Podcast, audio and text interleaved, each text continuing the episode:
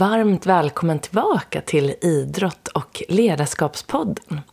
Det är dags för dig att få lyssna till avsnitt 105. Och eh, det här är ett litet speciellt avsnitt. Jag själv befinner mig på semester när vi har spelat in det här avsnittet. Och eh, jag är i Stinson Beach som ligger strax utanför San Francisco tillsammans med mina absolut äldsta och bästa vänner Trine Ackelman, eller numera Clark, Lovisa Stönnerstedt, numera Rubin, och eh, Louise Ribbing. Och jag passade på att fråga dem om de kunde tänka sig att vara med i ett avsnitt av min podd och det ville de såklart gärna. Och vi satt här och spelade in det här avsnittet. Och eh, det som är väldigt kul är att alla de här tre tillsammans med mig gick igenom min grundkurs i mental träning under pandemin. Och då sågs vi en gång i veckan och ja, en gång i veckan, en gång varannan vecka under väldigt lång tid. Och eh, därför kommer jag prata lite med dem om just det här med mental träning och hur de själva har använt det här i sin vardag. Och vi kommer då prata mycket om vänskap och eh, vänskap och det här med vikten av relationer. Det är ju en av de tre högsta punkterna på Harvard Universitys eh, lyckostudie som har hållit på sedan 30-talet. Och det här med relationer är ju inte alltid så lätt och att ha vänner på den här resan som vi kallar livet är ju fantastiskt. Så vi pratar om just det här med vänskap och vad den har betytt för, för dem och för oss. Och så pratar vi om att vara mamma och om att bo utomlands. Både Tina och Lovisa har bott utomlands i nästan 30 år och jag och Louise bor kvar i Sverige. Så jag hoppas att du nu har hittat en skön plats, att du kan ta några djupa andetag och eh, så önskar jag dig en trevlig lyssning. Nu kör vi!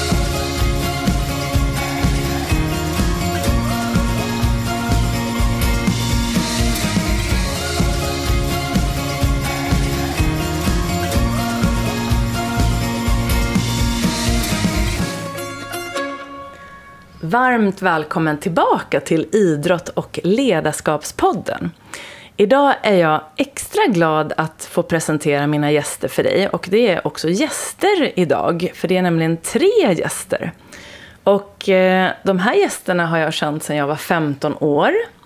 Och idag är vi här där vi spelar in det här för att fira vår 50-årsdag. Så det är ganska många år.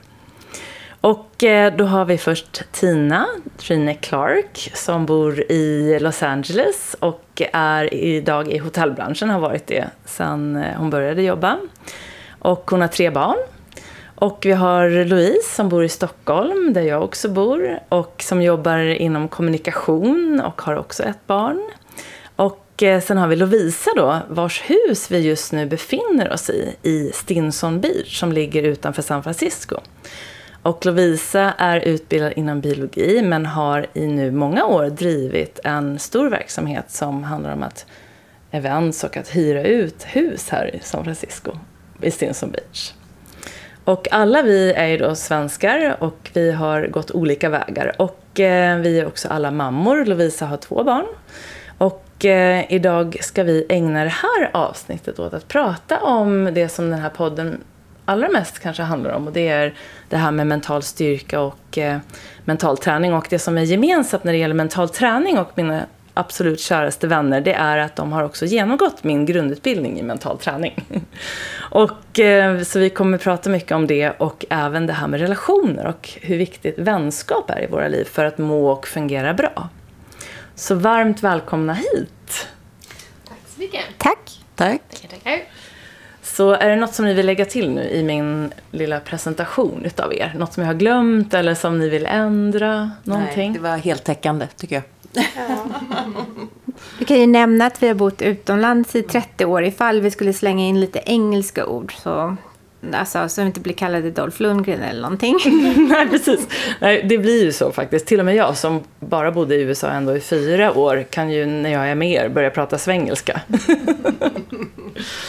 Ja, det är fantastiskt kul att få vara här. Så vi är ju här i Stinson Beach då. Det är ju ett fantastiskt ställe. Lovisa, vill du prata, berätta lite mer om området vi befinner oss i? Bara så att mm. den som lyssnar kanske får en liten bild av vart vi befinner oss. Absolut. Så vi är precis norr om San Francisco. Så kanske 40 minuter ifrån Golden Gate-bron norrut.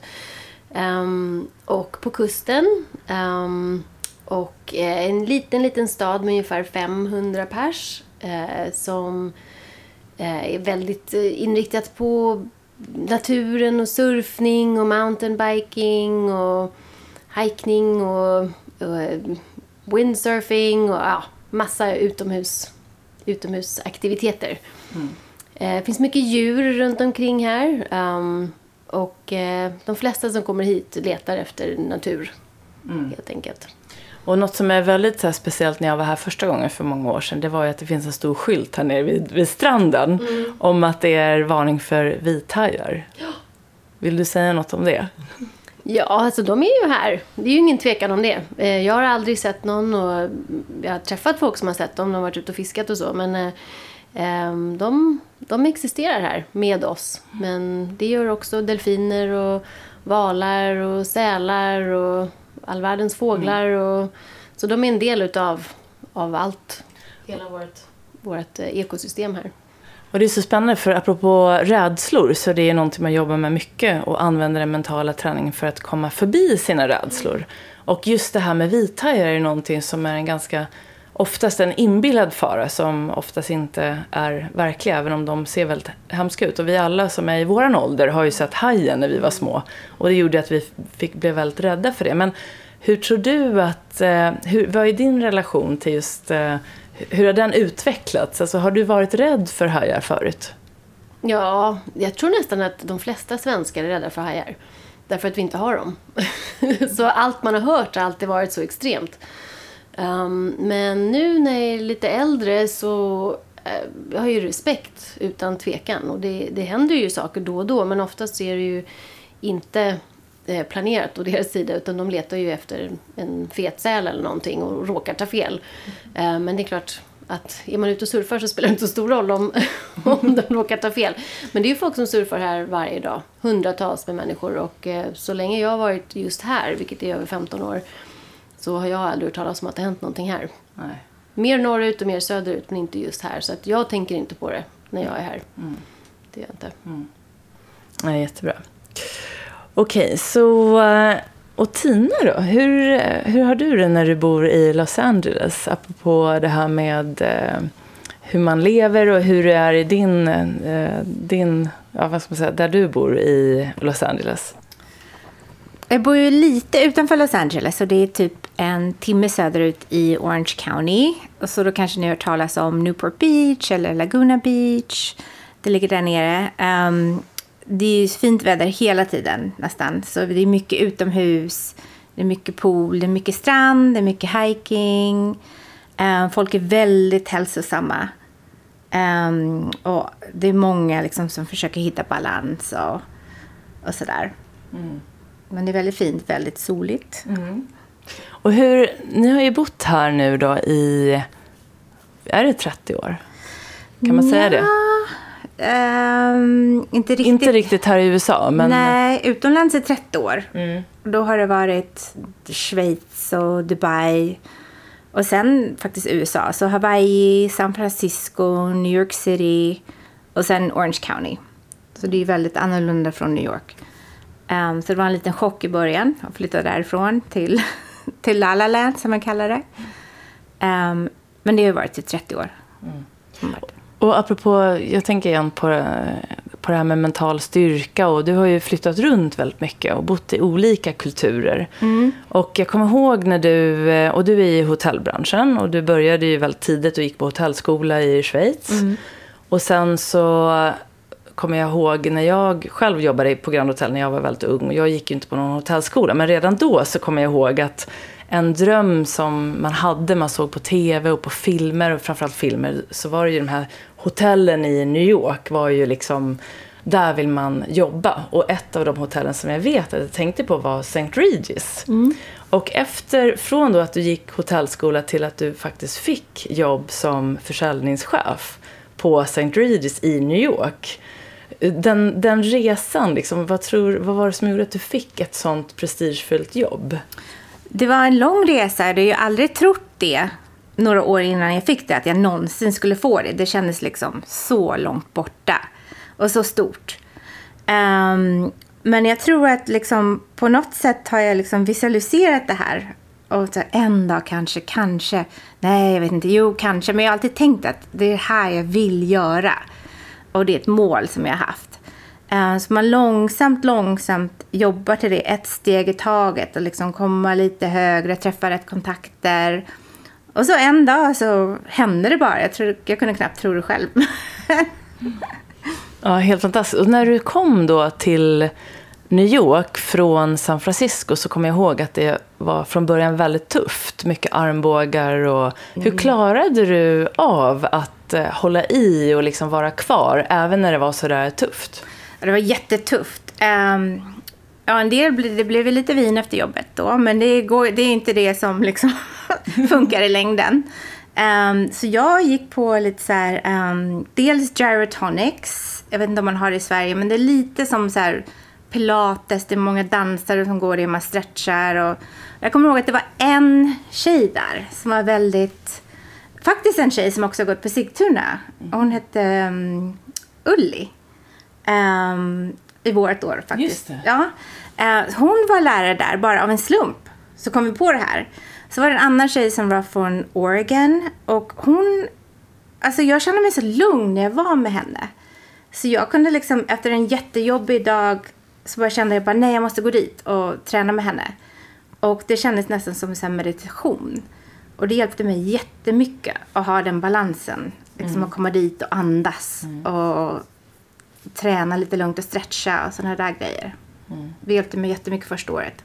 Och det där är ju en av grunderna. Det första avsnittet i den här säsongen, i säsong 13, så pratar jag igen. Vi gör ju det mycket, eller jag har gjort det mycket i podden, men där pratar jag just om grunderna i mental träning. För jag tror att det är så viktigt att förstå att eh, oavsett vart man befinner sig, om det handlar om och vad, vilken, liksom, eh, vilket område man är, så är vi människor. Och, och de här grunderna handlar om att du först, om du hamnar i någon form av problem. Man blir stressad, man byter miljö som du gjorde så här, från San Francisco till New York. Och så, mm. Eller vad det nu än är vi upplever. Att vi behöver alltid då grunda oss med lugnet. Alltså avspänningsträningen är alltid den första träningen att komma tillbaka till. Och det var det ju som du hittade där, eller hur? Mm. Att ja, du kunde liksom hitta det även om du inte då kunde säga att nu ska jag gå och liksom göra mental träning. Men Nej. att det var det du kände att funkade. Och då kunde du helt plötsligt funka. För du hade ju allt du behövde. Ja. Du hade ju kunskaperna du behövde. Men det var bara andra saker som störde just då. Precis. Ja, jättebra. Och Louise, hur kände du? Du och jag har ju varit kvar mest i Stockholm, eh, kan man väl säga. Men ändå lite sådär besök eh, utomlands. Och eh, idag jobbar ju du som kommunikatör. Och eh, sen är du också med i Blå, stjärna, Blå stjärnorna. Ja, just det, det stämmer. Hur tycker du att, eh, att det är just nu när du bor i Stockholm liksom med din balans i livet och hur är ditt nuläge? Det var stressigt under en period eh, med, små, med ett litet barn och tyvärr två cancerdiagnoser. Men jag har, hittat, jag hittat mitt lugn och min kraft väldigt mycket med hästar. Att vara med djur överhuvudtaget. Men i stallet då är det här och nu som gäller. Så det är, då flyger man inte iväg med tankarna. Och eh, det är väldigt viktigt för mig. Och eh, också att hämta eh, kraft ifrån naturen. Att vara ute och rida i naturen. Mm. Man kan gå ut och promenera eller cykla också men den är bäst från hästryggen. Men har du alltid ridit? Nej. Jag eh, red mycket som eh, liten och sen så gjorde jag ett uppehåll på ungefär 20 år. Eh, lite drygt. Och sen började jag igen. Mm. Och sen har vi ju barn allihopa, ja. eller hur? Och eh, det är inte alltid sådär jättelätt att fortsätta jobba. Vi alla har ju jobbat och haft barn på olika sätt i olika områden. Men och så fick, när du fick ditt cancerbesked och nu har du ju blivit frisk mm. och eh, ser bättre ut än någonsin på alla sätt och vis.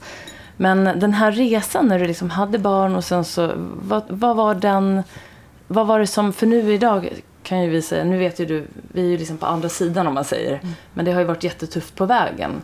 Vilken egenskap hos dig tror du det är som har varit viktigast för att liksom klara av en sån period? När det blir väldigt mycket motgångar och så. Eh, jag tror att en sak som jag gjorde som var bra, som kanske inte var självklart, men jag har tänkt på det mycket efteråt, det var att jag eh, ganska snabbt tog kontakt med er eh, på olika sätt. Jag kommer ihåg, Jenny, att vi eh, gick och tog en, eh, en frukost och jag berättade det här för dig. Det var ju ganska eh, den första eh, gången som jag blev sjuk. Mm. Då var ju mitt barn också, eh, min son, rätt ung. Och det var, det var jättejobbigt. Eh, men att ha människor runt omkring sig som man kunde prata med är jätteviktigt. Och eh, egentligen bara att veta att människor fanns där. Man behövde inte egentligen prata om så mycket. Men att jag hade den eh, tryggheten, det var jätte, jätteviktigt för mig. Mm. Sen har jag liksom eh, under de här olika eh, behandlingarna känt jättemycket livsstress. Eh, och där har det varit eh, vid första eh, eh, efter första behandlingen då gick jag faktiskt utbilda mig till eh, eh, mindful, eller medieyoga instruktör. Eh, och det var ju jättebra, för då fick jag ju otroligt mycket eh, medieyoga på köpet när jag utbildade mig till det. Och det var liksom det som var det viktiga egentligen, att verkligen se till att, att göra det. Eh, och eh, komma ner i varv, hitta lugnet. Mm. Eh, och känna att jag gjorde någonting för mig själv, verkligen. Mm. Ja, fantastiskt. Och, och, just medicinska yogan, den, är ju också, den har jag hållit på med mm. så mycket. Och, mm. och, verkligen. Och vi har ju... Eh, vilken... Eh, har du någon... För den handlar ju om mental och fysisk avslappning kan mm. man säga. Mm. Och den ger ju det här lugnet. Apropå mm. att den första grunden i mental träning är just det här med att landa och så. Så även om man vill ju gärna gå in i hjärnan och så mm. försöka lösa och så man vill bara hoppa fram i tiden och, och mm. så ska allt vara bra. Men så är man i det och mm. kunna, att, att kunna acceptera det som är är så himla mm. svårt. Men om du tillåter dig att få det här lugnet då kan kroppen liksom lite lättare acceptera läget. Mm, mm. Var det det du kände med den medicinska... Vad, vad, vad, tror du, vad var det med den medicinska yogan som du kände var absolut bäst? tror jag att det var eh, de här långa, djupa andningarna. Ja, ja, ja, precis. Eh, att göra det varje dag under så lång tid, för det var en del av utbildningen. Mm. Eh, det gjorde jättemycket. Sen också olika specifika rörelser, ryggövningar och sufi-cirklar och sånt där. Men just de här att, att verkligen ta sig tid att eh, andas djupt. Mm. Um, gav mig lugn. Du, hur, hur känns det med yogan idag? För hur många år sedan är det där nu? Det där är... Ja, det här är ju nu sju år sedan. Ja, just det. Uh, jag... Nu, uh, jag gör ju inte lika mycket då. Jag är klar med utbildningen. och uh, jobbar och liksom, det är svårt att få in det i vardagen. Men om jag ska säga att jag, om jag kan hinna någonting eller om jag känner att jag är väldigt stressad. Och jag känner också att jag är mindre stressad numera. Men eh, då, då försöker jag eh, andas. Mm. Mm, göra det, liksom, ligga och göra de här djupa andetagen. Mm. mm. Ja, och vi är så otroligt glada. Jag tror att det där är någonting som, som var så himla viktigt. Det här mm. att, vi, att du tog kontakt med oss. För jag tror att det kan verkligen bli tvärtom. Att man mm. drar sig undan. Men att du gav ut liksom, att du verkligen, verkligen berättade det här tidigt. Och sen har ju vi alla setts också mycket, inte bara, men också under pandemin faktiskt, Precis. eller hur? Och det var då vi gjorde den här, ja. de här grunderna i mental träning på Zoom. Och det hade jag ju, det, hade, det gjorde man ju inte riktigt innan pandemin. Och att vi kunde träffas på det sättet och, och hitta det där stödet, det var ju verkligen fantastiskt. Ehm, men jag tänkte på, apropå, vi var inne lite på det här när du Tina berättade att du visualiserade och du vet du fick den här, vad ska man säga, omedvetna, jag brukar kalla det för omedvetna så här, målprogrammeringar som man kan göra ibland. Och eh, inom mental träning så jobbar man ju först då viktigt med avspänningsträningen och sen då behöver man fylla på med självbildsträningen för att stärka självförtroende och självkänsla och den här inre dialogen. Och sen jobbar man ju med målbilder då och det här med att eh, hur gör man egentligen för att nå sina mål? Vi har ju så mycket hinder. Det, när, man säger, när jag jobbar med mina klienter ibland så brukar jag fråga så här, men okej, men du fick, om jag hade ett trollspö och så fick du önska vad du ville eh, och drömma vad du ville. Och vi låtsas att du har alla pengar i världen och all tid i världen. Och då är det alltid någon som är så här, men det har jag ju inte. Så det där kan man ju inte, det där kan jag ju inte liksom tänka för att jag har ju inte alla pengar i världen. Och då, redan där, man har någonting i hjärtat som vill fram men så kommer hjärnan, men det går ju inte, men jag har ju inte det. Så då hejdar man sig innan man ens försöker. Och det har faktiskt inte med ålder att göra. Det där kan jag höra från unga människor, men även från, från alla. Så att, och därför har man ju kommit på att det finns ju någonting som heter eh, ja, det här med mentala rummet pratar man ju om, att man försöker få hjärnan att komma ner till en väldigt djup, djupt avslappnad eh, nivå för att där göra de här målprogrammeringarna. Men väldigt ofta gör man det här lite så omedvetet. Och då pratade vi, Lovisa, om att, eh, att vi, jag hade en middag och då var du med och Louise var med. Och Tina, du var inte med, eller hur? Nej. Det var i Stockholm, ja. Mm. Då hade vi en middag med, jag tror det var 10-15 stycken och det handlade om att vi skulle ja, träffas och prata om våra drömmar men också ja, men dela erfarenheter och skapa ett nätverk. Och det här är ju, alltså vad kan det vara, 15 år sedan minst. Och då kom jag ihåg att du sa när vi satt där, när, när frågan kom till dig, och då satt du där, nej men jag skulle verkligen vilja ha ett uh, bed and breakfast någon gång i framtiden och så hade du någon plan. Du pratade till och med om att det skulle finnas butik med cyklar och mm. sådär. Och nu när vi sitter här, mm. då är ju vi i ett, ett av de husen som ni hyr ut som ett bed and breakfast. Ni arrangerar bröllop här och ni har en cykelaffär nere mm. i Stinson Beach. Mm. Så hur känns det nu när du kan se tillbaka? Vad tror du det var som gjorde att, att, du liksom, att det blev som det blev? Det är ju intressant för jag hade helt glömt bort att jag hade sagt det. Eh, så det är en sak med, med vänner och att när man känner någon under väldigt lång tid. Att ni kan ju påminna mig om liksom vad man har tänkt och drömt och sånt som man själv faktiskt har glömt. Eh, men nu kommer jag ihåg och, och det är lustigt för att eh, jag tänkte ju det och det blev så. Jag hade inte liksom någon rak plan egentligen men det måste ha liksom legat i bakhuvudet um, tills, tills det blev så. Um, så att, um, ja, jag vet inte. Som sagt, det måste ha legat och, och grott under och sen så sakta men säkert. För det, det har ju inte gått över natt liksom. Det har ju tagit lång tid. Um, Mm. Och eh, det finns ju fortfarande saker som man skulle vilja göra liksom. Men, men det jag sa, det har ju faktiskt hänt. Mm. Men det är det där som är så häftigt, för när man inte... Så där var det för mig också. Innan jag började med mental träning så visste ju inte jag hur det funkade. Så att vi, vi har ju den här förmågan själva. Att när det kommer en, en önskan inifrån som verkligen är äkta. Den kommer från hjärtat och det är liksom självklart, det här vill jag då, då brukar det automatiskt bli så att det är som att man, man, man skickar in den här beställningen till liksom hjärtat, själen och sinnet. Mm. Så de bara börjar samverka. Mm. Så att vare sig man, och du behöver knappt ha någon plan, automatiskt så börjar man liksom röra sig åt det. Man börjar säga nej till sånt som inte leder dit du vill. Och så, säger, så blir det ja och så, så till slut så hamnar man där.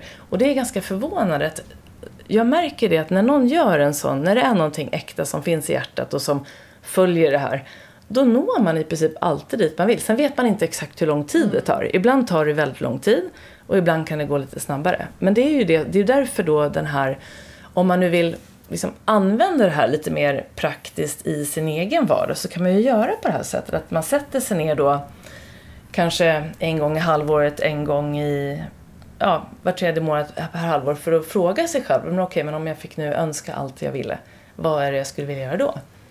Och då brukar det komma fram och då, då kan man sen då jobba med den här, de här stegen som finns i mental träning och liksom göra den här medvetna målprogrammeringen istället för att det ska bli omedvetet. Eller att det, det, är bra att det är omedvetet också. Men att man förstår hur det funkar. Mm. Men vill du berätta lite om din verksamhet här idag? För den, det är väldigt spännande eh, vad ni gör här i Stinson Beach tycker jag. Mm.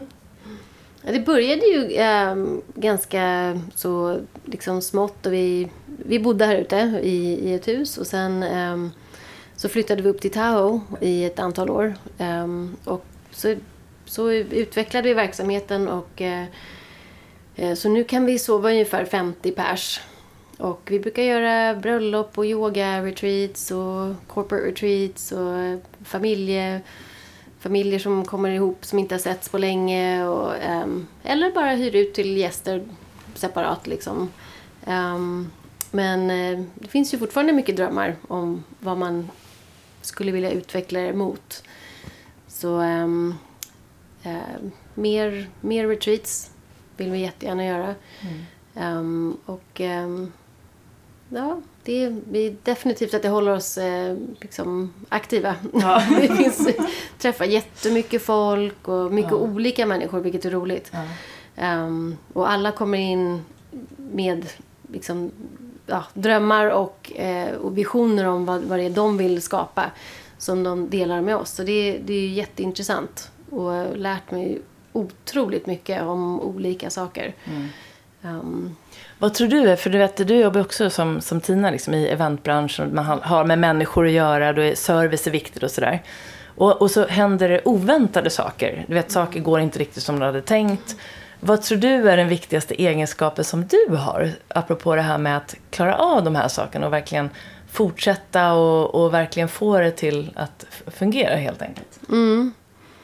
Um, en sak tror jag, för nu har det ju hänt så mycket saker som inte var planerat. Och man inser ju att allting löser sig ju. Det kanske inte blir exakt så som man hade tänkt sig men då löser det sig på något annat sätt och ibland är det till och med bättre. Ehm, och så länge som man har en, en positiv, eh, ett positivt sätt att kommunicera så är det, brukar det lösa sig för alla.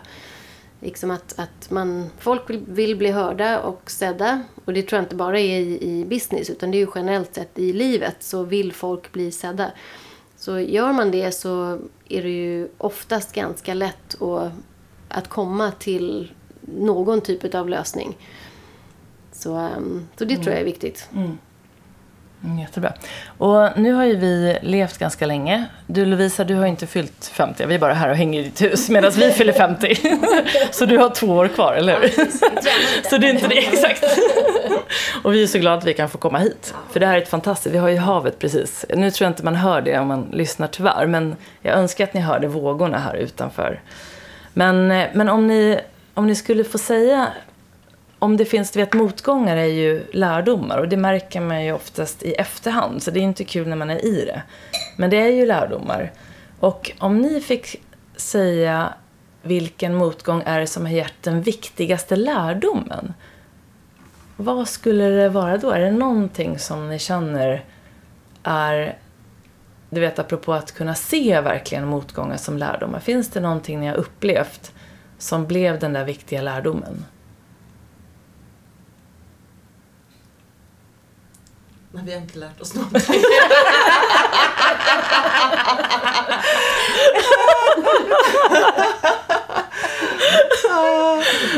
Nej, men jag tror, om jag får säga, inte att jag, inte så en specifik sak som har lärt mig någonting, men jag tror att eh, apropå erfarenhet och de alla saker man har gjort eh, som, man, som kanske inte blev så bra på vägen. Eh, att, eh, att man inte behöver hetsa upp sig så himla mycket. Att det, precis som Lovisa är inne på, att man lär sig att eh, kunna eh, hantera eh, motgångar bättre eh, genom att veta att eh, det, det, löser, på något sätt så kommer det lösa sig och jag kommer inte befinna mig i den här känslan eh, för alltid utan det kommer att kännas bättre Eh, ja, om det är en, en sån svacka eller en nedgång. Det liksom kan ju vara i att man, att man mår dåligt eller deprimerad eller vad det nu än är. Eh, men det, för det är ju så lätt att man när, man när man mår dåligt eller när någonting händer och som får en att må dåligt. Att man tror att det kommer vara att nu, nu, nu, det här kommer, så här kommer det vara resten av livet. Och det, så är det ju inte. Eh, och, och det är ganska skönt att påminna sig om det. Eh, för jag tror inte man kan liksom, man måste acceptera att det händer saker som eh, ja, förr eller senare, så det, det är ju motgångar, det är livet. Eh, man befinner sig inte på en lycklig plats hela tiden. Eh, och, eh, men att ja, det går upp och ner men det kommer lösa sig. Eh, lite liksom, eh, större cool får, får man som äldre tror jag. Och med erfarenhet. Eh, mm. Mm, nej, jag håller med om det. Um, och det gäller liksom att lita på... Jag säger alltid så här, universe got your back. Och vissa, för vissa är det Gud, för vissa är det liksom... Jag bara litar på att det kommer... Jag är lite optimist också. Men alltså, det kommer att fixa sig. Som Louise sa, det kommer inte vara så här för alltid. Och det är liksom... Ofta är det en mening med allt. Så har en motgång så ofta kan det även bli en opportunity. Till någonting nytt, någonting annat, kanske bättre. Man vet inte. Men det, livet går alltid vidare. Ja, verkligen. Har du någon Lovisa? Nej, alltså ni, ni förstod precis vad jag menade just i, i det här att, att det känns som att allting fortgår på något sätt. Det fortsätter. Och, och eh, direktionen det går i kan vara mer spännande. Om, även om det inte är precis så som man hade planerat. Och att det är okej.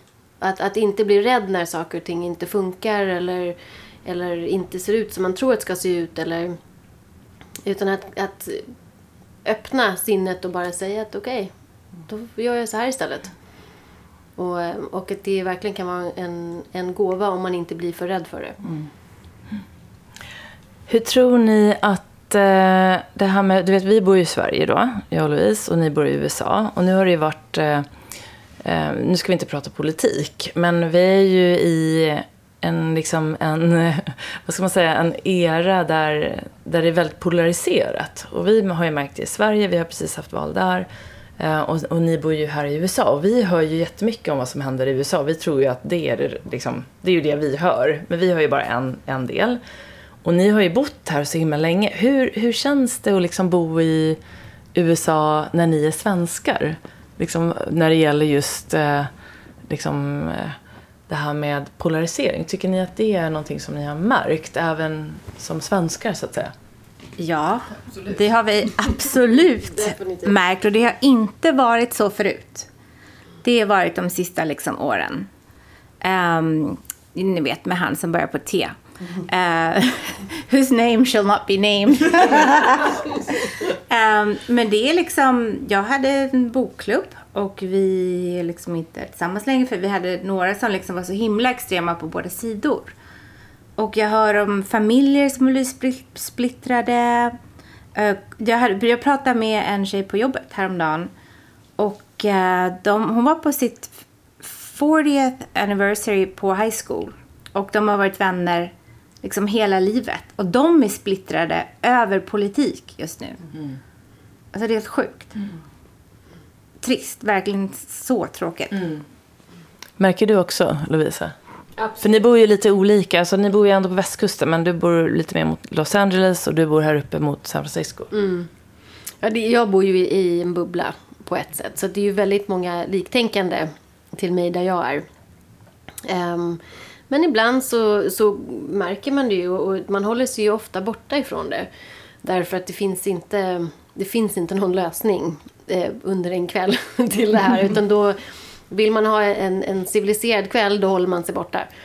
Um, och så, ja, det märks ju. Men som sagt, jag, jag ser ju inte lika mycket som jag tror att du gör Tina. Därför att hos dig är det lite mer blandat. Ja, det är mycket mer blandat. När jag bodde i New York då, då tyckte ju liksom alla som jag tyckte. Det är ju lite, lite mer liksom liberalt. Um, och sen när jag flyttade till Orange County då, då märkte jag att oj, nu måste jag vara riktigt försiktig vad jag säger och sådär. För det kan vara polarizing. Så det är helt annat. Mm. Hur tror ni att vi ska göra för att komma liksom samman som, som människor? Det här är en jättestor fråga. Men, men vad tror ni är en väg framåt? Om man, apropå det här att ta ett kliv i taget. Så att nu kan det vara svårt ibland att se en lösning. Speciellt när det är så otroligt polariserat, beroende på vart man bor. Då. Men, men även i Sverige tycker jag att man märker, vi skulle ju också lätt kunna röra oss i den riktningen, att det blir mer och mer polariserat. Men vi försöker ju, man, försöker, man vill ju försöka göra någonting åt det. Men hur kan vi, tror ni, som vanliga människor som inte är politiker, men som ändå rör oss bland människor, hur, vad tror ni att är viktigt för oss att tänka på för att ta det här klivet i taget för att röra oss mot en mer enad framtid? Absolut att inte döma, för jag har alltid så här varit så stolt över det, men jag dömer inte folk och jag förstår folk. Men nu har jag liksom kommit på mig själv att jo, nu dömer jag folk för de tycker så olika. Så jag påminner mig själv liksom att men de får, det är okej. De får liksom tycka vad de tycker och man måste försöka förstå det och liksom vara okej med det. Ja, nej, men jag, jag, jag tror också det är en viktig sak som du är på spåren där. Att man, eh, eh jag kan uppleva ibland att eh, det går inte att prata om vissa saker helt enkelt. Man slutar, man slutar prata om det, det blir för upprört. Eh, som Lovisa säger, om man vill ha en civiliserad kväll då går man inte ens in i de här diskussionerna. Och det tror jag, när människor börjar tystna, då är man ute på farligt eh, område. Utan att eh, inte döma, prata, diskutera och eh, inte vara rädd för att folk tycker olika. Utan liksom det är genom kommunikation som vi kan eh, förstå varandra bättre. Mm. Inte genom att bara sluta prata med varandra. Eh, Nej, det är ju mm. den lätta vägen. Mm. Det är ju det som är lättast att göra. Att sluta mm. prata och så mm. börjar man prata om något annat. Ja. Men då är det som mm. att det ligger kvar under ytan hela tiden. Så då kommer det ju istället explodera ja. förmodligen framåt. Rumi sa ju det. Rumi är ju en sån känd poet. Jättegammal. Han lever ju inte idag. Men han säger så här. Bortom rätt och fel så möts vi.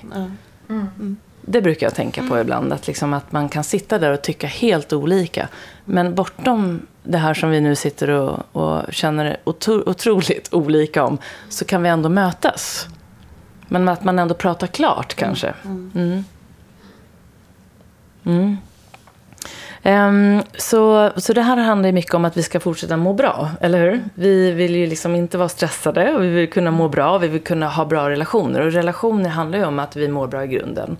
Och eh, så är vi mammor och med att bli mamma så kommer det stress, eller hur? Mm. En oro som på något sätt föds med barnet. Och mm. så blir det ju inte bättre bara för att de blir större. Utan det blir kanske, man tror att någon gång att men snart är de större.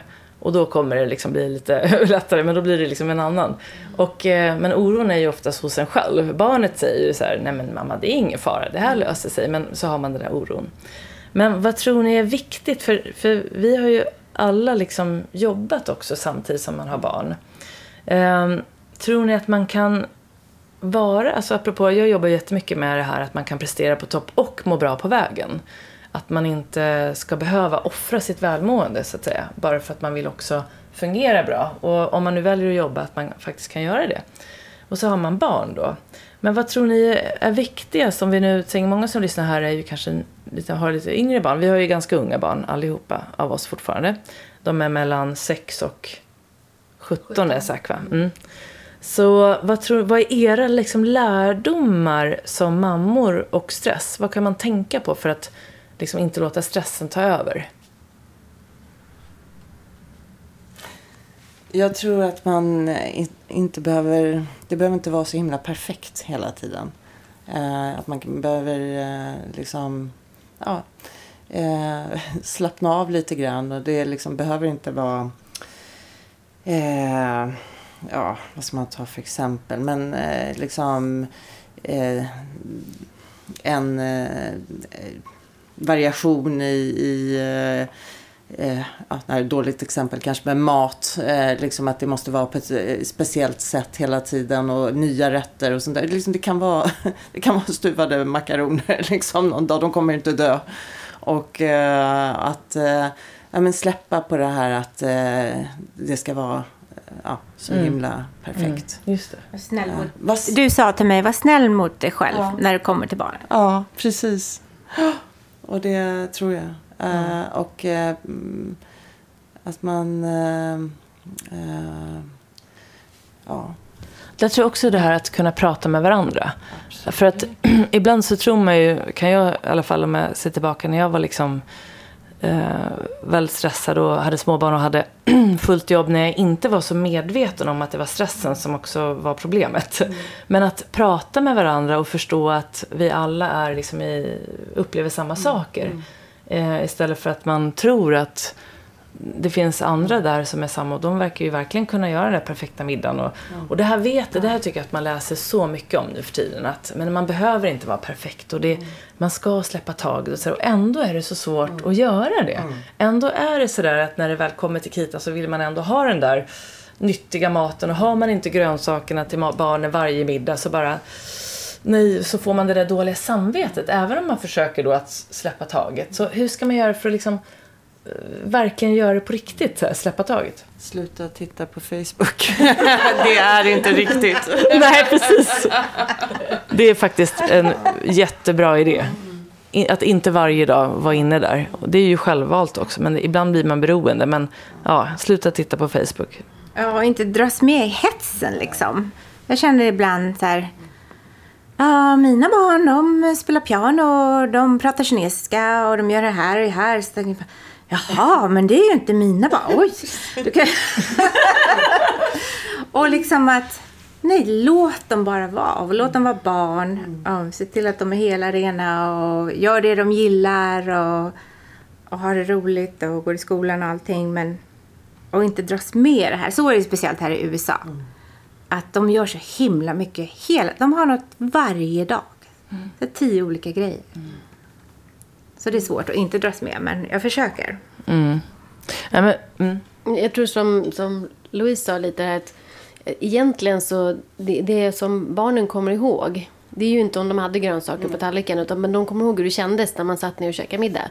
Så om det alltid är stressigt därför att man försöker pressa en situation att bli någonting speciellt då är det ju det som kommer ihåg och det som känns. Men om man kan släppa och, och eh, ha trevligt så trevligt som möjligt tillsammans. Och även om det betyder att de kanske tittar på tv en timme längre eller att de kanske inte går ut eh, och utomhus tre timmar om dagen eller trots att man vet att man, man försöker uppnå det för man vet att det är mer hälsosamt. Men om man kan inte bråka så tror jag att det är värt jättemycket. Både för en själv, för att man är mindre stressad och för relationen med barnen. Att, att de sakerna, att inse vad det är som verkligen betyder någonting. Och, och betyder det verkligen någonting, då får man ju lägga mer energi på det. Men just att inte konstant försöka uppehålla den här, den här eh, vad man nu har satt i, i sin hjärna. Att barnen får bara vara på sin telefon en halvtimme eller vad det, nu är, vad det nu är man har varje dag. Men man har ju satt den här gränsen i sitt eget huvud. Och att, att inse att bråket kanske inte är värt det. Så länge man kanske kan låta dem vara lite längre och sen kan du säga men då vill jag ha liksom en timme med dig när vi sitter och gör någonting annat. Eller går på promenad eller spelar spel eller någonting. Men att man inte pressar det för mycket. För så fort du börjar bråka, då är alla stressade. Och det är svårt att komma ur den cirkeln. Verkligen. Och jag, jag kommer ihåg så himla väl, apropå det här att få, få det till en trevlig stund, att man mår bra. När jag var och hälsade på dig för flera år sedan, innan jag hade barn, för du fick ju barn före mig. Då kom jag ihåg att eh, vi åt frukost på morgonen, så kom barnen upp. Då hade du satt på musik. Du har, ni har alltid musik på. Och det var sån här skön, liksom, ja, det var inte reggae men det var typ någon skön musik. Och bara för att det var liksom den musiken så kom jag ihåg att, du vet, jag, jag kommer ihåg att jag hade jättemycket just då men jag blev väldigt lugn. Och jag märkte att bara, det var liksom musiken gjorde att det blev en väldigt fin stämning. Så det var ett tips som jag tog med mig när jag sen fick barn.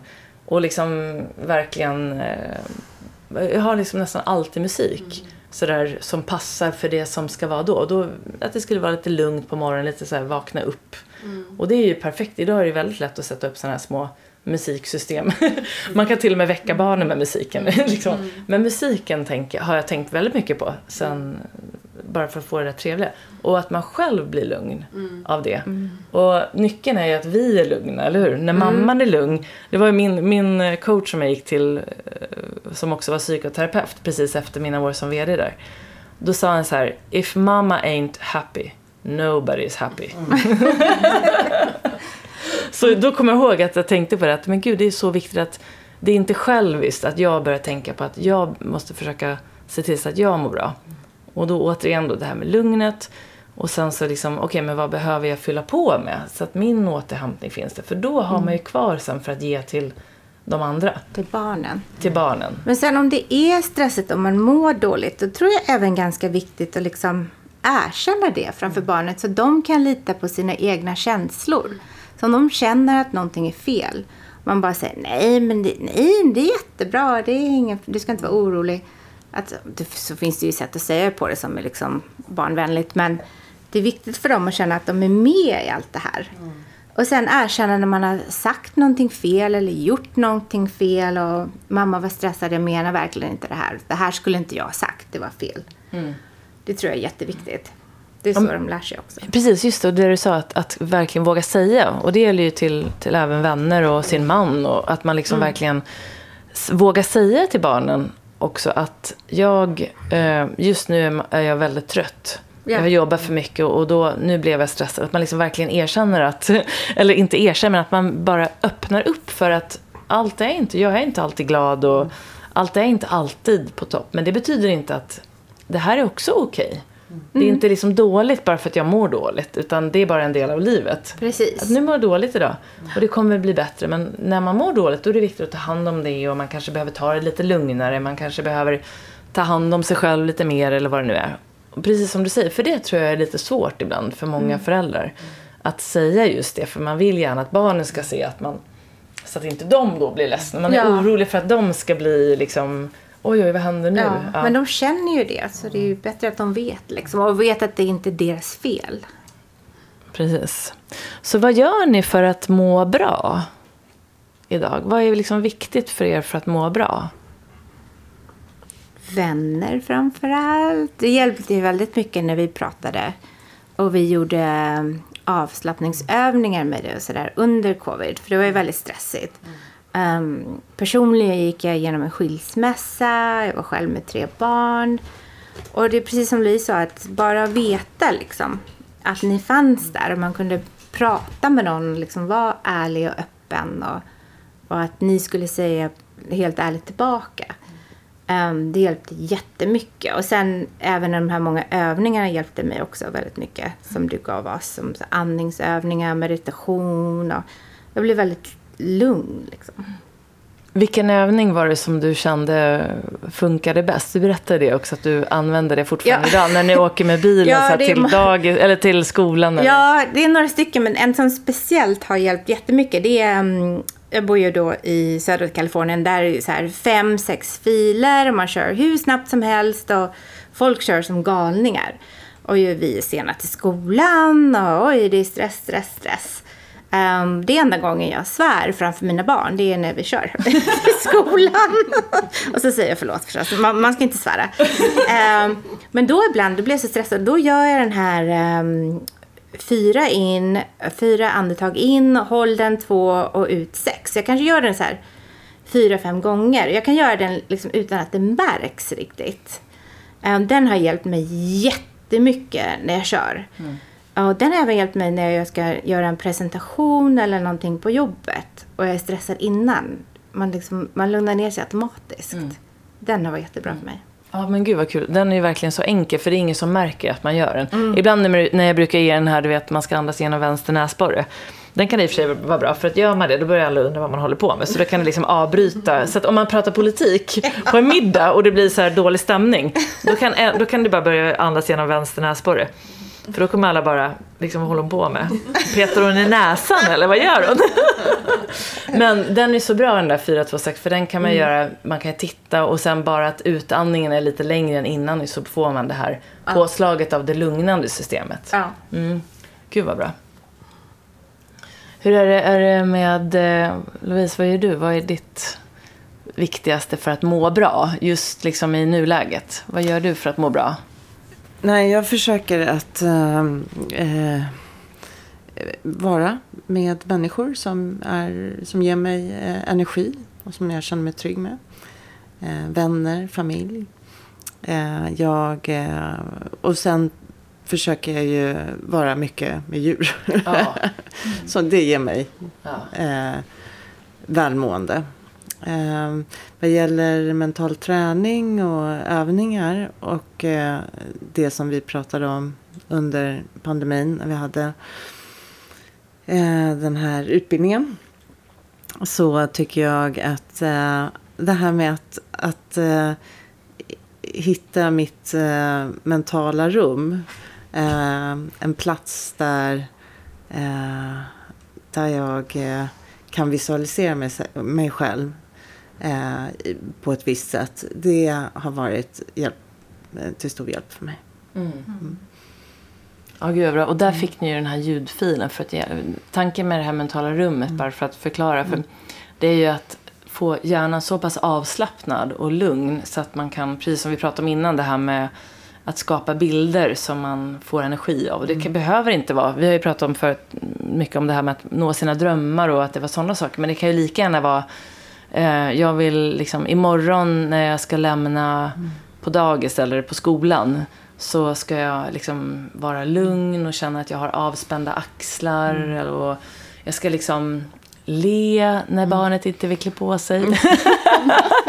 Eller vad det nu är man vill. Man skapar liksom en bild. Och det behöver inte vara så himla stort. Det kan vara en situation. Och den kan man då ta med sig till sitt mentala rum. Och så ser man den några gånger. Då kommer faktiskt automatiskt hjärnan ta till sig det och förstå att aha, när det här händer i den situationen, då ska jag vara så. Ah, Okej, okay. då fattar jag. Mm. För hjärnan är ju lite tokig annars. För den kan ju verkligen sticka iväg till framtid då att du hittar på saker mm. som inte ens stämmer. Så att vi behöver liksom förstå att vi är det är vi som liksom kontrollerar hjärnan, det är inte den som kontrollerar oss. Mm. Att vi liksom är inte våra tankar. Mm. Gud vad bra. Att ni, och märkte du att ljudfilen för att liksom hitta mentalrummet mm. hjälpte då ja, när du lyssnade på den? Jag, jag var tvungen att eh, lyssna flera gånger. För det var, inte, det var inte jättelätt. Det tyckte jag inte. Men Eh, så jag, ja, jag var tvungen att försöka flera gånger. Det är jättebra. Och ibland, jag brukar säga sju dagar med, om man nu har ljudfilen. Då. Mm. Men ibland får man lyssna fler mm. dagar, mer. För att, och, och, det finns ingenting som är någon... Ibland kan det vara så här, nu ska jag hitta mitt mentala rum. Mm. Och så liksom ligger man nästan och så väntar. Men mm. det gäller att släppa taget. Mm. Mm. Och då kan det behövas lite tid. För att verkligen eh, få till det. Och då är det helt okej. Okay. Men då ska man inte ge upp, man bara fortsätter och så frågar man mig om man har frågor. Men sen djuren där, är ju, de är ju, mm. apropå närvaro, för all den här mentala träningen leder ju till att man blir mer närvarande. Det är det som kan man säga är det, liksom, optim, det slutliga målet med allt det här, att man ska faktiskt bli mer närvarande. För det är i nuet som man alltid mår och fungerar som bäst. Mm. Men djuren är ju alltid närvarande. De har ju inte den förmågan att vara i framtid och dåtid som vi har. Mm. Så, så det tycker jag, det är liksom, har man, och du som rider då, kan jag verkligen förstå. Hade jag inte varit allergisk mot hästar, mm. då hade jag ju ridit med dig varje dag. Lovisa, vad gör du för att uh, må bra?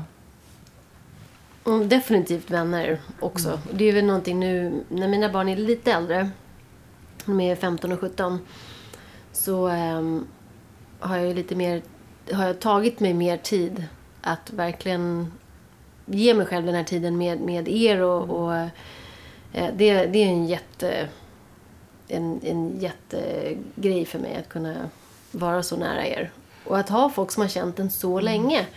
Och sett den gå igenom allt från liksom tonåren till liksom när man pluggade och sen började jobba och sen familj. Och, jag menar, allt det här. Det är fantastiskt att kunna ha den här röda tråden genom livet. Det är en otrolig gåva.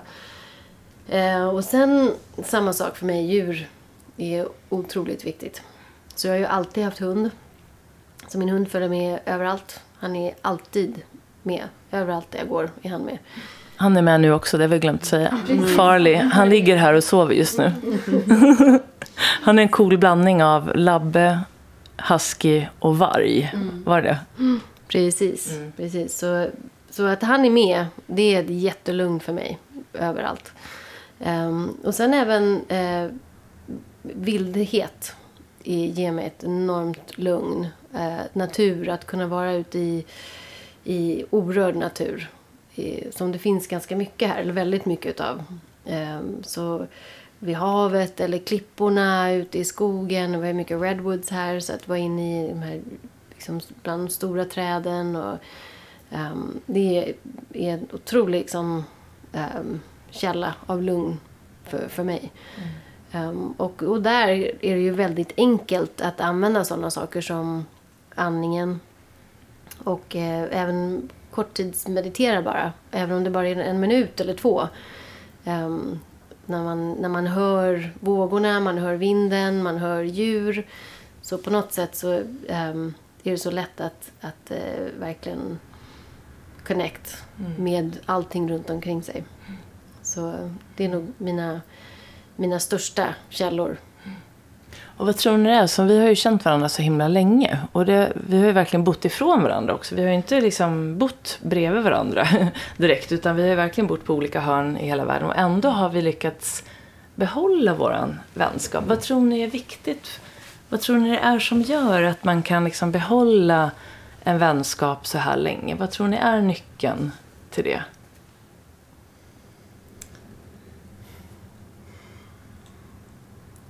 Eh, nej, jag vet inte. Jag har inget jättebra svar på den frågan.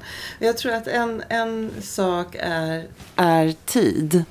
Att, eh, som, som kan vara viktig. Det behöver inte vara viktigt. Det är inte så att man inte kan få nära vänner eh, i vuxen ålder. Så, och, men, men att, jag tror att de här vänskapsbanden som man knyt, knyter som, som ung i tonåren. De eh, det är en sån omvälvande tid och de, de består även, även om man kanske inte ses eh, jätteofta. Mm.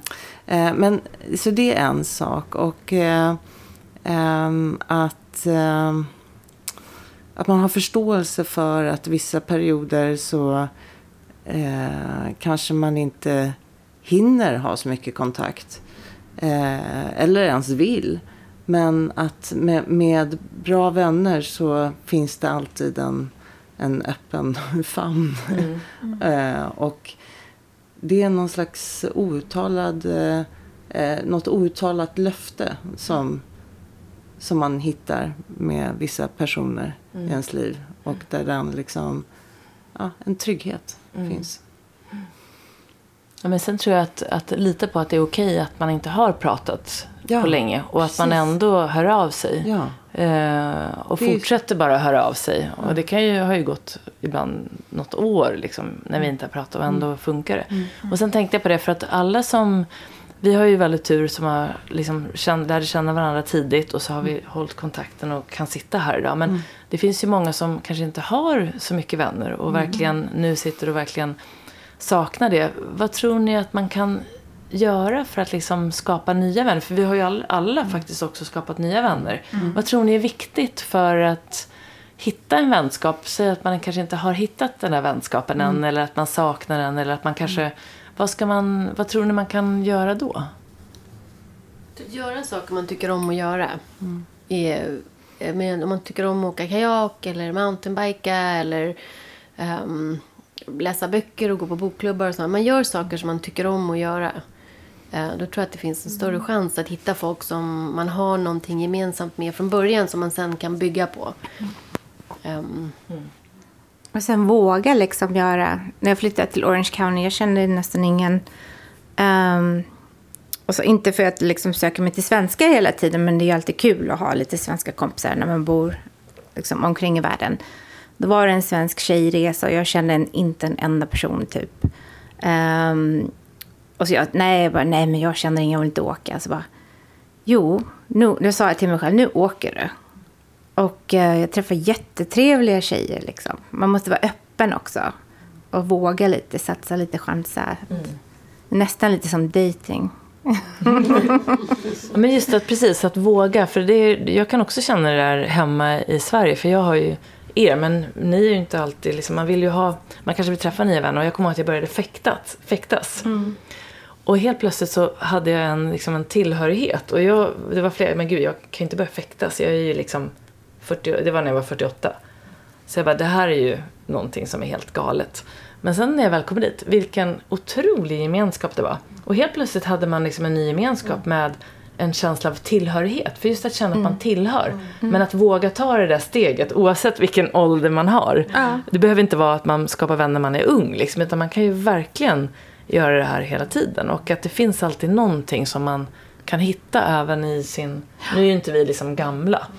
Om man nu, vi är ju äldre Nej. bara.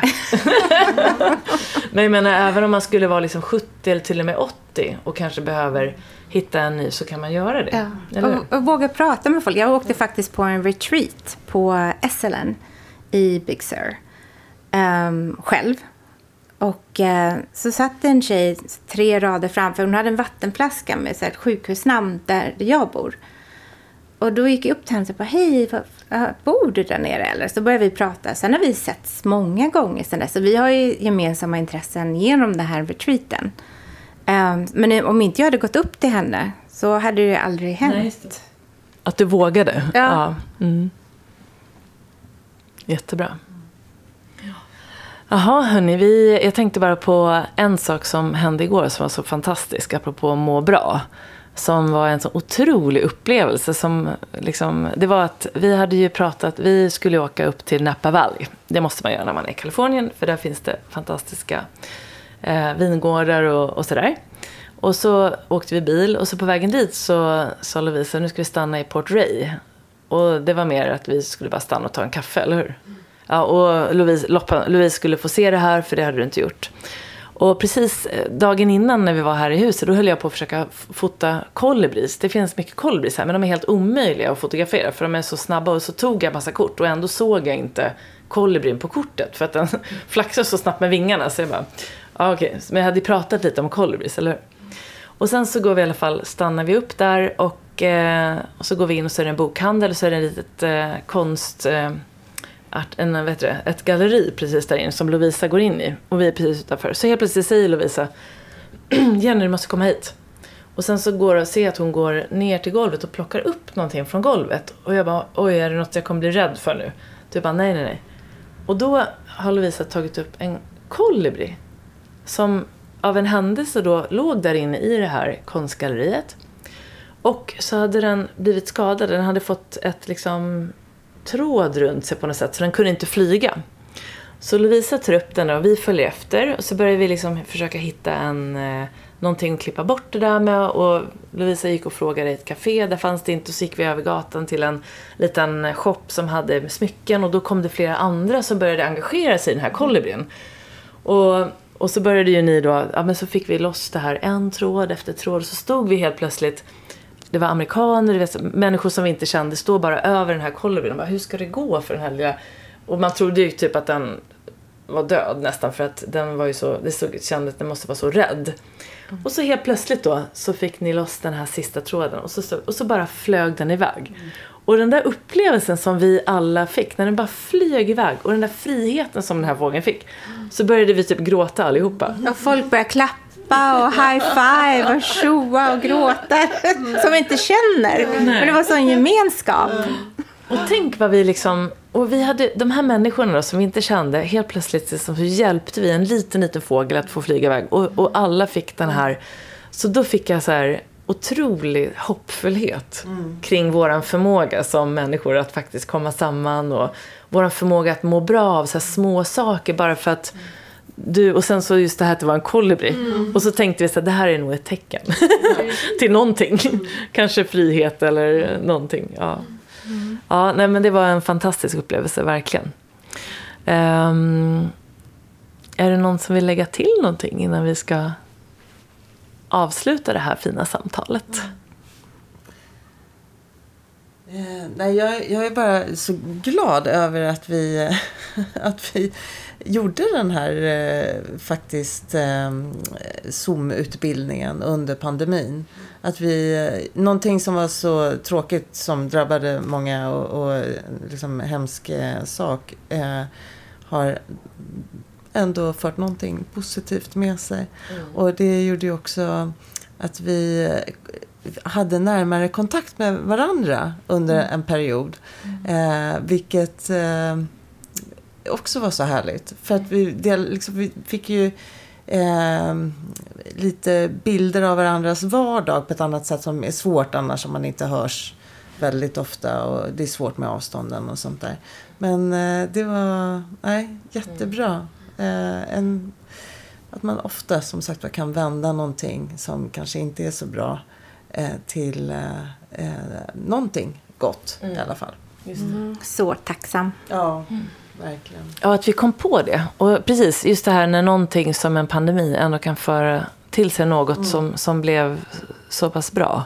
Eller att vi kunde hitta det där och göra det. Mm. Och samtala och, och så. Och som, som du säger, vi, vi hade ju, jag tror vi lärde, liksom att man lärde känna varandra på nytt på ett Mm. annat sätt.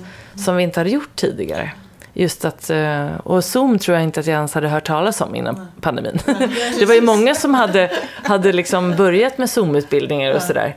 Men det hade jag verkligen inte gjort. Utan det var ju något som man hade tänkt på men aldrig gjort. Och det tror jag väldigt många med mig har verkligen att tack, tacka pandemin. För helt plötsligt har vi börjat, apropå det här med hopp för framtiden. Vi har ju helt plötsligt lärt oss att vi har ju så otrolig tillgång till utbildningar var som helst nu. Vi kan sitta hemma och få tillgång till så mycket. Vill du lägga till någonting Lovisa? Um, ja. Um, nej, jag kan inte komma på någonting. Att jag ska skaffa hund när jag fyller 50. Ja, nu har du det. Det glömde du bort. Det glömdes jag. Det, tror jag, det tycker jag är väldigt viktigt. Ja, det är något som jag, apropå vad jag mår bra av. Jag mår väldigt bra av hund. Så, De flesta gör det. ja, och jag, det var ju väldigt många som skaffade hund under pandemin, men vi gjorde inte det. Men det hoppas jag att det blir. För det var någon som sa det häromdagen som jag, nej men det var ju min, eh, faktiskt i Angelica här som var med i podden för två avsnitt sedan. Det här är ju avsnitt 105, hon var med i avsnitt 103. Och hon berättade, när vi pratade om det här med vad mår man bra av. Då sa hon att hon tankar närhet genom att borra in sin nos i sin katt. Varje dag. Att hon tankar närhet. Ja, så att jag förstår verkligen. Det är jätte... Alla ni har ju typ djur förutom Ja. jag. Jo, man gör ju saker som man skulle göra annars. Men jag skulle aldrig tillbringat så mycket tid på golvet. Om det inte hade varit för Farley. Nej, precis. Men det är jättemysigt som du säger. Och, liksom, och, och den här kontakten mellan när man tittar på varandra och, och liksom att han följer efter mig överallt. Och, och han får mig att gå ut och, och, och man, man ser till att, att... Jag vet att han är beroende av mig och jag är beroende av honom. Men att man, man tar hand om varandra. Och det är ju en, ett, ett konstant som, ehm, som jag är väldigt tacksam för. Det har till och med Anders Hansen som skrev boken Hjärnstark som handlar mycket om eh, mental hälsa genom fysisk träning. Jag tror han till och med skriver i den Hjärnhälsa för barn, eller Hjärnstark för barn, att eh, det är bra att ha hund för då kommer man ut och promenerar. och springa, måste liksom gå ut. Så att, eh, ännu ett. Men det är jätteviktigt. Jag, när jag var deprimerad efter skilsmässan eller under tiden, liksom, då var det min hund. Han fick ju ut mig varje dag. Jag måste ju ta ut honom. Och då mådde jag mycket, mycket bättre sen. Och så gosa förstås. Och. Ja, jag vill bara säga att ni är helt fantastiska. Jag är otroligt glad att vi kunde göra det här avsnittet tillsammans idag. Och det är faktiskt första gången som, som jag gör ett lite mer, vad ska man säga, som det här är ett, eh, eh ett väldigt nära eh, samtal eftersom vi känner varandra så väl. Och eh, jag tror det passar väldigt bra i den här tiden i säsong 13. Och jag hoppas att du som lyssnar har fått med dig en hel del inspiration och kanske lite tankar och sådär. Både i, när det gäller din vardag och så. så. Men framförallt nu tack till er, Tina, Louise och Lovisa, för att ni gav mig och oss av den här tiden. Så att vi kunde samtala om de här viktiga ämnena. Om att må bra och fungera bra. Tack så jättemycket. Tack! Tack så jättemycket Tack. själv.